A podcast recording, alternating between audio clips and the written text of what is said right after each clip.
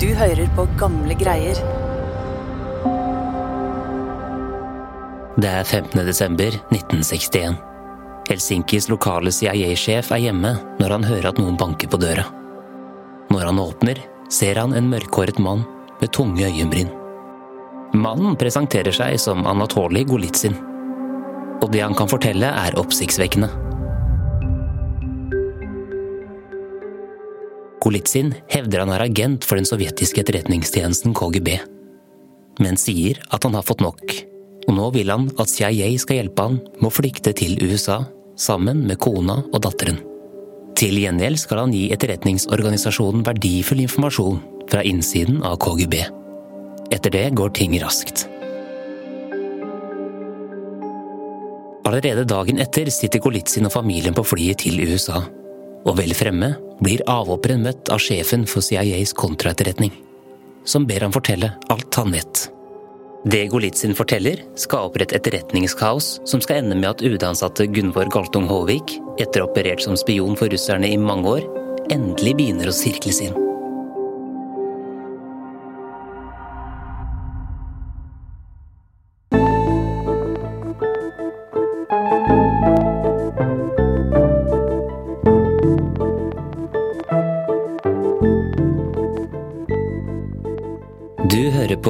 Greier, en historiepodkast fra Nasjonalbiblioteket. Dette er tredje og siste episode i miniserien om Gunvor Galtung Håvik. Norges storspion som lurte alle i nesten 30 år. Jeg heter Lars Hamren Risberg.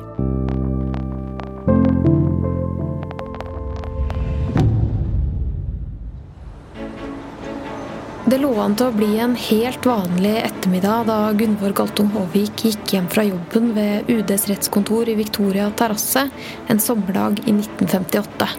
Live Fele Nilsen, historiker og journalist på Nasjonalbiblioteket. Sammenlignet med livet hun forlot i Moskva som ansatt ved ambassaden, hvor hun hadde vært tvunget til å gi opplysninger til KGB pga. sin hemmelige affære med en tidligere russisk krigsfange, så hadde det siste året etter at hun kom hjem, vært nokså rolig. Men når hun går bortover veien, så kommer det plutselig en mann bort til henne. Og det han sier, får det til å gå kaldt nedover ryggen på henne. For mannen, han sier noe som får henne til å skvette. Og det han sier, er et hemmelig kodeord som hun kjenner igjen fra dagene i Moskva. Et kodeord som ble brukt av KGB. Og Gunvor skjønner at hun igjen er sirklet inn av den mektige etterretningsorganisasjonen. Sovjetiske myndigheter var interessert i norske statshemmeligheter. Og det var nettopp opplysninger fra den avdelingen Gunvor jobbet ved, nemlig rettspolitisk avdeling, som de var spesielt ute etter. For der jobbet de med sensitive folkerettsspørsmål og internasjonale avtaler, som f.eks. avtaler om deling av havområder eller spørsmål knyttet til Svalbard. Og Gunvor må jo ha blitt veldig stressa. Ja. Og skulle hun unngå å bli avslørt som landssviker, så var det ingen vei utenom. Det var på'n igjen som KGB-agent. Det ble avtalt hemmelige møter på øde trikkestopp og parker rundt omkring i byen. Og på disse møtene så hadde hun med seg en veske med et hemmelig rom i. Og i det rommet så lå det kopier av dokumenter som hun hadde tilgang til på jobben. Dokumenter som kom fra sjefen for rettspolitisk avdeling ved UD. Og disse dokumentene ga hun til KGB-agenten, og tilbake fikk hun en konvolutt med penger.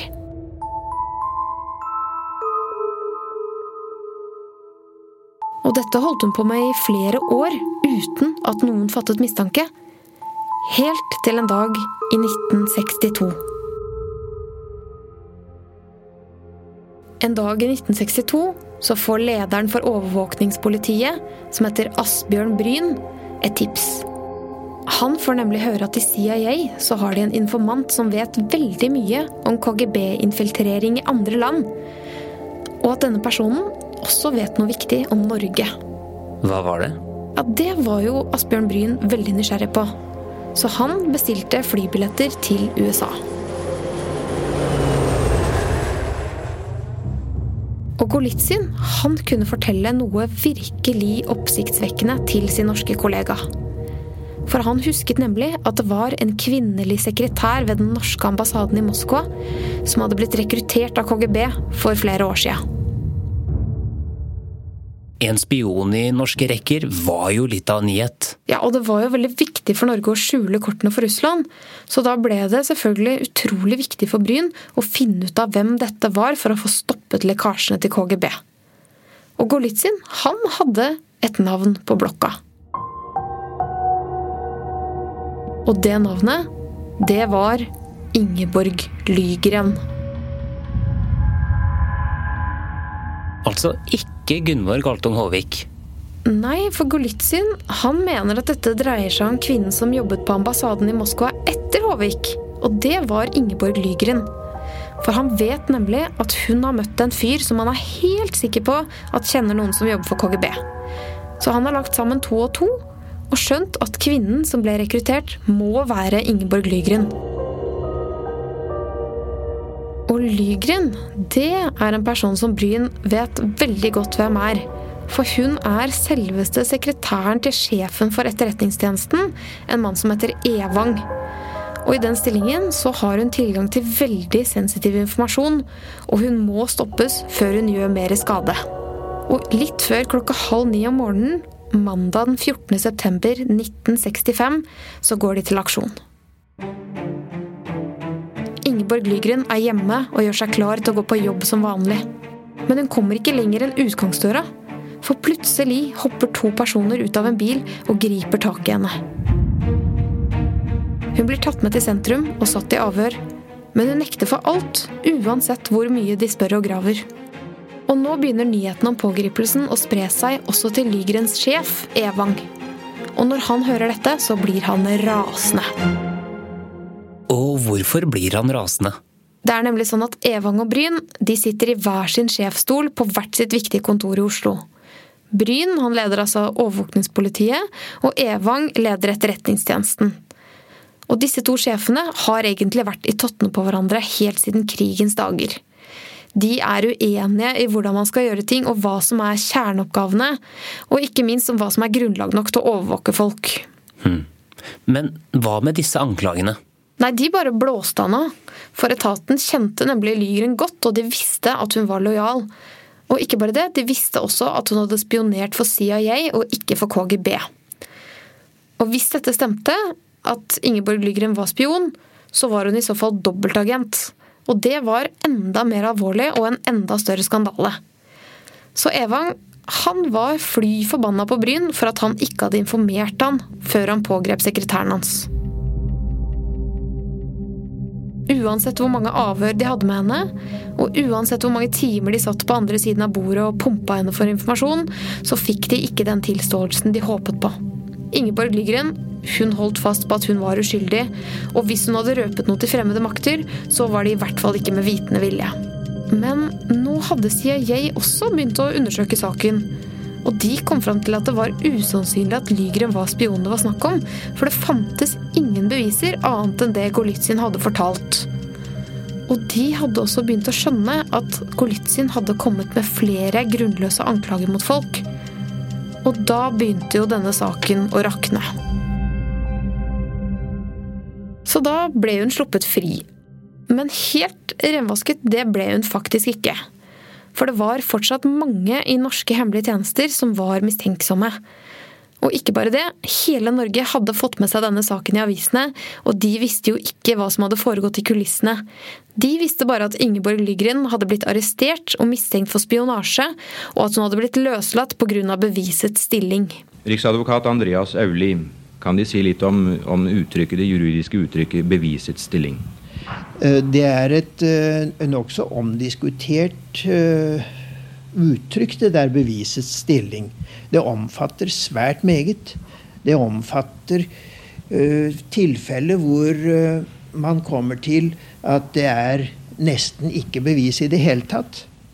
Og det går opp til tilfeller hvor man regner med at beviset er for svakt til at uh, påtalemyndigheten bør våge å gå i retten med saken.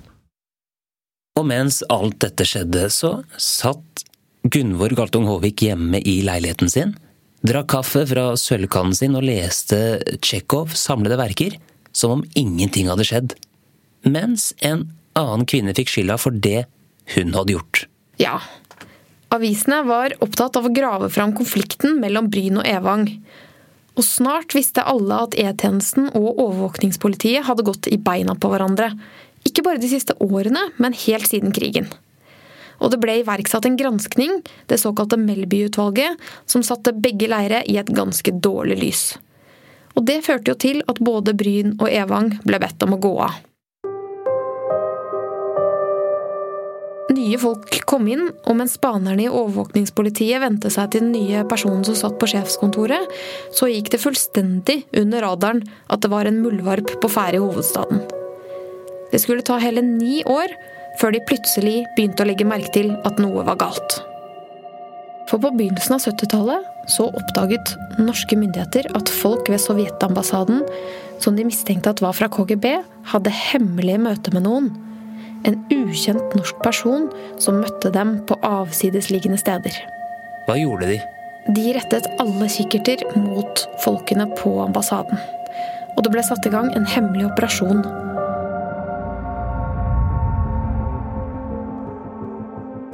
Og et halvt år fulgte de bevegelsene på ambassaden for å finne ut av hvem det var russerne møtte når de dro utover mot Holmenkollen eller Ekeberg. Og en dag i 1974 på en sti i Holmenkollåsen, så fikk de svaret. For der gikk det en mistenkt KGB-offiser ved siden av ingen andre enn den dyktige UD-veteranen Gunvor Galtung Håvik.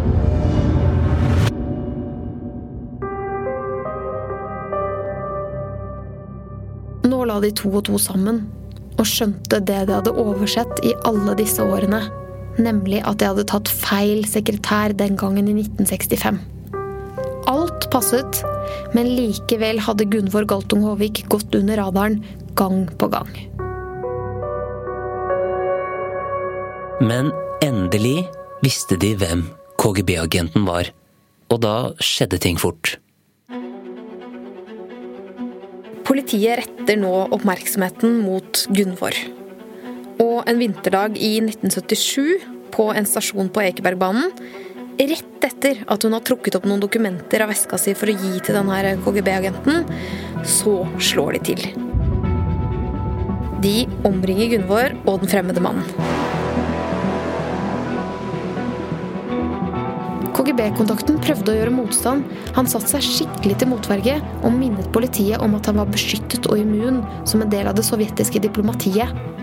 Men Gunvor Galtung Håvik hun gjorde ikke motstand. Hun lot seg føre bort til bilen og ble kjørt til Victoria terrasse. Stedet hun hadde jobbet i så mange år, hvor hun nå skulle avhøres av politiet. Og nå var det ingen vei utenom livet. Hun hadde jo blitt tatt på fersk gjerning. Ja, hun visste at slaget var tapt. Og inne på avhørsrommet så la hun alle kortene på bordet. I avhør etter avhør så fikk politiet mer og mer detaljer om hvordan hun hadde operert i nesten 30 år. Hun fortalte om Vladimir og om tiden på ambassaden, og om da hun ble oppsøkt av KGB på vei hjem fra jobb den gangen. Hun fortalte at hun hadde gitt russerne informasjon om bl.a. teknologi, olje og vitenskap, og hun fortalte hvem det var hun hadde hatt kontakt med fra ambassaden. Dette ble jo da formidlet oppover i systemet, og statsminister Oddvar Nordli skjønte at han måtte handle raskt. Så ganske kort tid etter så kom det en pressemelding om at ansatte ved den sovjetiske ambassaden var utvist fra landet. Så da måtte Oddvar Nordli gjøre rede for hele denne saken i en pressekonferanse. For dette ble jo selvfølgelig en ganske betent sak mellom Norge og Sovjet. Etter de eh, opplysninger som nå foreligger, ser påtalemyndighetene dette som en alvorlig sak. Og den reaksjonen som norske myndigheter her har gitt, skulle vel også understreke med hvilket alvor vi ser på denne saken. Men vi regner med at eh, vi her står overfor en omfattende sak som vil kreve en langvarig etterforskning, og det er derfor ikke mulig å gå i detaljer om hva dette dreier seg om. Dette må jo ha vært litt av et sjokk for kollegaene til eh, Håvik i UD? Ja, det var mange av kollegaene hennes som leste avisene med store øyne og ikke visste hva de skulle tro. At hun hadde klart å leve et dobbeltliv så lenge, i år etter år under enormt press, det var jo nesten ufattelig. Og så var det jo én person da, som sikkert fulgte denne saken med ganske sterke følelser. Nemlig Ingeborg Lygren, som hadde fått livet sitt ødelagt pga. Håvik. Først nå ble hun helt renvasket fra anklagene som hadde hengt over henne de siste tolv åra og ødelagt for karriere og personlig liv.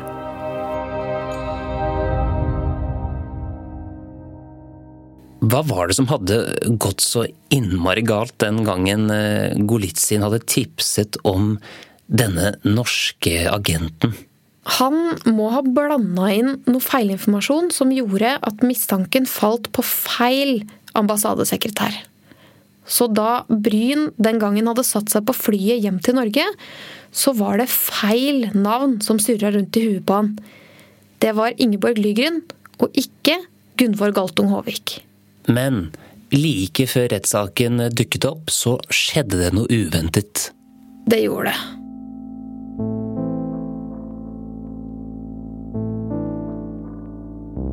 «65 år gamle Håvik satt bak murene på Drammen kretsfengsel, tiltalt for landsforræderi og spionasje, med en strafferamme på 21 år. Rettssaken skulle begynne 14.11.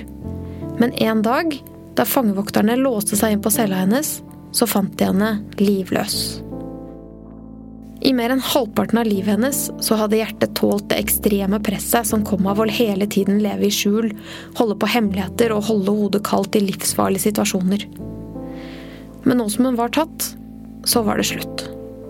Gunvor Galtung Håvik døde av hjertesvikt, og det ble ingen rettssak i Norges til da aller største spionsak.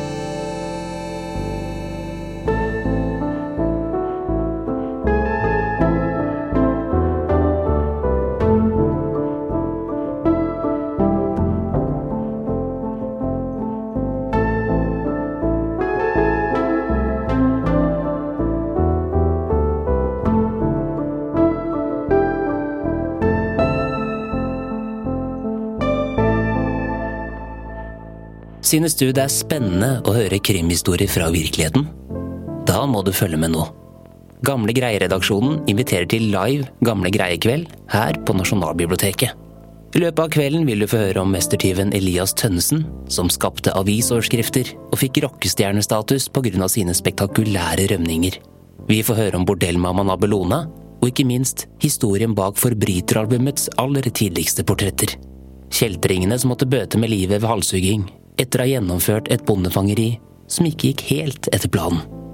Arrangementet er et formidlingssamarbeid med Arkivverket, som siden 2016 har arbeidet med å digitalisere og tilgjengeliggjøre Forbryterarkivet og dets historier for allmennheten. Mange av forbryterportrettene kan dessuten ses i utstillingen Labyrint på sporet av Harry Hole.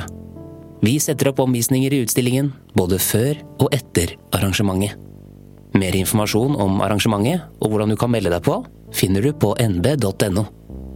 Du har hørt en episode av Gamle greier. Episoden er laget av Live Fele Nilsen, Ragna Nordenborg og meg, Lars Hamren Risberg. Kilder til episoden var boken Iskyss av Alf R. Jacobsen. Arbeiderbevegelsens arkiv og bibliotek, Nasjonalbibliotekets avis- og lydarkiv, Store norske leksikon og boken Norske spioner av Harald Skjønsberg. Du har hørt musikk fra Epidemic Sound, og du har hørt musikk fra Therese Aune. Du finner mer av Thereses musikk på thereseaune.com, eller der du strømmer musikk til vanlig. Mitt navn er Lars Hammeren Risberg. På gjenhør.